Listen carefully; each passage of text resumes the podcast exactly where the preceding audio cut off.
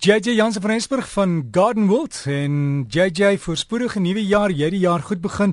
Ek sien jou boek doen baie goed in Suid-Afrika. Ja nee, definitief Derek. Weet jy, ek dink ons ons het 'n hele paar rekords wat as ek so kan stel vir al in my gedagtes en ook in ons uitgewers. So ja nee, vir die van julle wat hom nog nie in die hande het nie of in die hande gekry het nie, gaan kyk bietjie weer by die uh verskillende winkels. Meeste van die CNA's het hom darm. So as jy wil hom in die hande kry, gaan loer elke seisoen is jou beste seisoen, is sy titel. Ja, en dit is ek moet by sê, ons praat nie sommer net om hierdie boek te verkoop nie. Dit is daarom 'n RSG projek wat ons saam met die uitgewer en saam met JJ gedoen het. Ja nee, definitief. Jy weet jy dat die ondersteuning van julle kant af is ongelooflik. Ek dink sonder julle sou daai boek glad nie so goed verkoop het nie. En natuurlik sonder jou met al jou kennis en al jou insette dwars deur die jare en al die verskillende paar jare wat ons al uh, saam gesels het dit baie gehelp daarmee. Ag, dankie JJ, maar JJ jy's nog lankie klaar nie want jy het huiswerk gehad. Ek het vir jou gesê oor die witvlee. Iemand het gevra, hulle het so groot probleem. Wat moet hulle doen? Weet jy ja, baie mense wonder wat is 'n witvlieg? Baie mense weet nie wat is witvlee nie. 'n Witvlee is eintlik omtrent die grootte van 'n muggie. Hy's nie heeltemal so groot soos 'n gewone huisvlieg nie. Hy's kleiner as 'n huisvlieg. Hy's so groot soos 'n muggie. Hy sit gewoonlik onder op die plante se blare vas, veral op die nuwe groei van plante. So as jy mens ooit vir die witvlees sou behandel, moet jy mens maar seker maak dat jy jou plante van onderaf opspuit, jy weet sodat jy daai nuwe groei kan bykom, veral nou van onderaf soos ek sê. Maar wat is witvlieg? Hoe jy weet jy het witvlee is, die plante word baie taai, veral in die bokant van die plant. Sodra jy liggies aan die plant tik, dan vlieg hierdie vlee weg. Maar hulle vlieg nie net in 'n reguit rigting nie of in 'n reguit vlieg nie. Hulle vlieg eintlik amper asof hulle dronk is, so half zigzag. Hm. Jy weet, so dan weet jy, okay, dit is nou witvlee en dan moet die mense maar daarvoor behandel. Ja, jy sê ek het gesien as jy as jy wit vleet en jy skud die plant, dit lyk soos iemand wat sigaret as weet hulle sigaret tik, die as wat val. Dit lyk so. Ja. Jy's 100% reg. Dit is presies hoe hy lyk en jy gaan regtig jouself verwar. Jy gaan dink eintlik dat hierdie wit vleet party van 'n sommer dood is omdat hulle net so vol soos jy sê. Maar soos ek gesê het, onthou mense moet as jy hom spuit, moet 'n mens maar van onder af spuit dat jy die die blare onder kan behandel. Um, ek gaan net gou drie verskillende name gee wat 'n mens voor kan uitkyk. Eerste een is natuurlik Caesar. S E I Z E R Caesar. Die tweede een is gewone S K I K oil waarvan ek baie praat en dan die derde een is effekte witvlieg insekdoder. Nou mens moet onthou, witvliee het net 'n 3 dae lewensiklus. So as 'n mens gaan spuit daarvoor, moet 'n mens elke 3 dae spuit vir ten minste 4 keer in 'n ry sodat jy van daai lewensiklus kan breek dat jy van hulle kan ontslaa raak. Sou 'n mens met die witvlieg insekdoders by die laaste ene wat meer spesifiek is teen witvlieg moet 'n mens om 4 keer oor 28 dae spuit en hy maak eintlik die witvlieg steriel sodat hulle nie verder kan aanteel nie. So jy gaan hom nie noodwendig onmiddellik doodmaak nie, maar jy gaan hom wel steriel maak. Maak net seker op wat jy dit spuit, want jy kan nie alles altyd op eetbare gewasse spuit nie, veral nie jou vrugte en jou groente en jou kruie nie. JJ en as dit reën moet jy net weer spuit, né? As dit reën moet jy weer spuit, maar hierdie tyd van die jaar veral nou met al die reën, is dit baie belangrik om vir jou 'n kleefmiddel by te werk of by te meng saam met jou um, insekdoder of fungusdoder wat jy spuit. Uh onthou 'n kleefmiddel wat hy doen is hy maak die druppels baie kleiner. Hy gee hom sy sy gom wat hom teen teen die plant vasplak.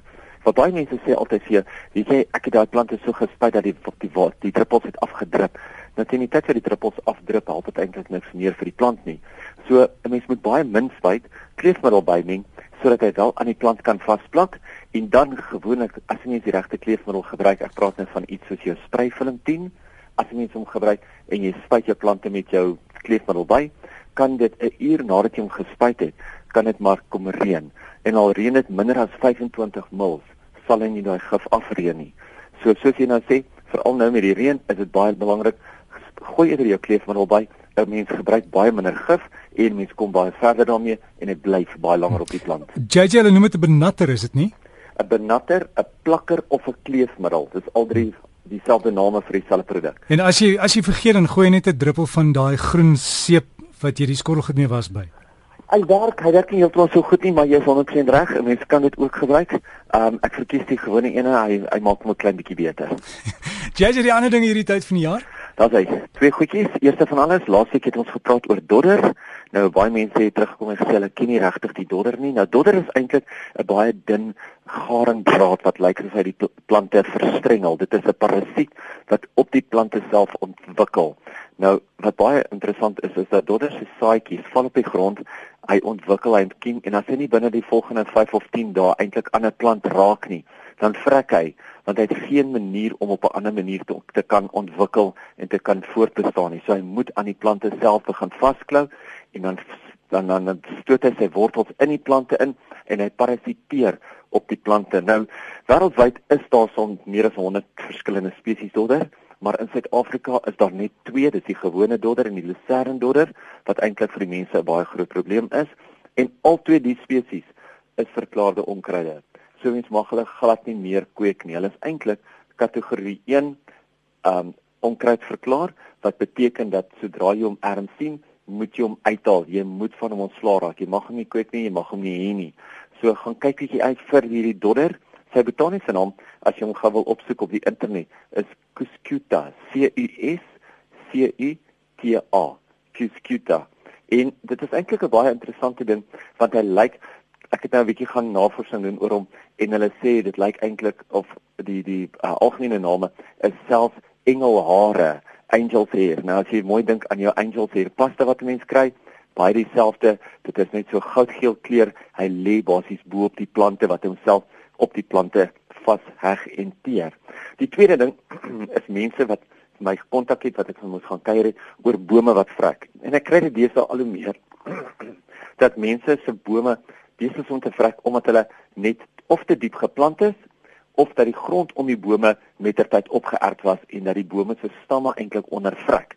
Nou ongelukkig is dit presies dieselfde tekens as wat wortelvrot is. Nou wortelvrot hierdie tyd van jaar baie baie maklik oral uh, te kom of verkrygbaar omdat jy wortelvrot saam met die hitte, saam met al die vog, selfs al bly jy in 'n area waar dit nie baie reën nie en jy jou plante nat gooi en dit is baie warm, kan daai wortelvrot fungus baie maklik die plante aanval.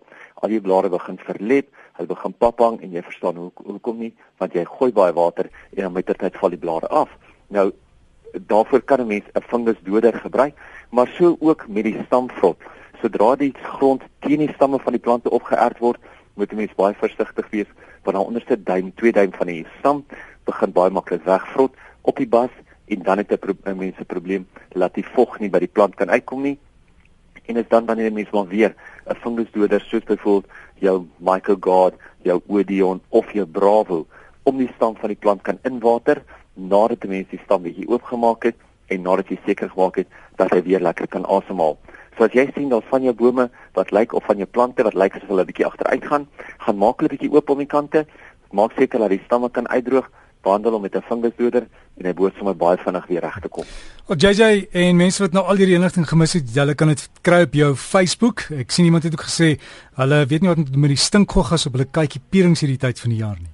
Dis hy ja, en daar was er net op die Gardenwold Facebook ook, ook 'n vraag van mense wat gevra het van appelkose, wat kan mense met jou appelkose doen?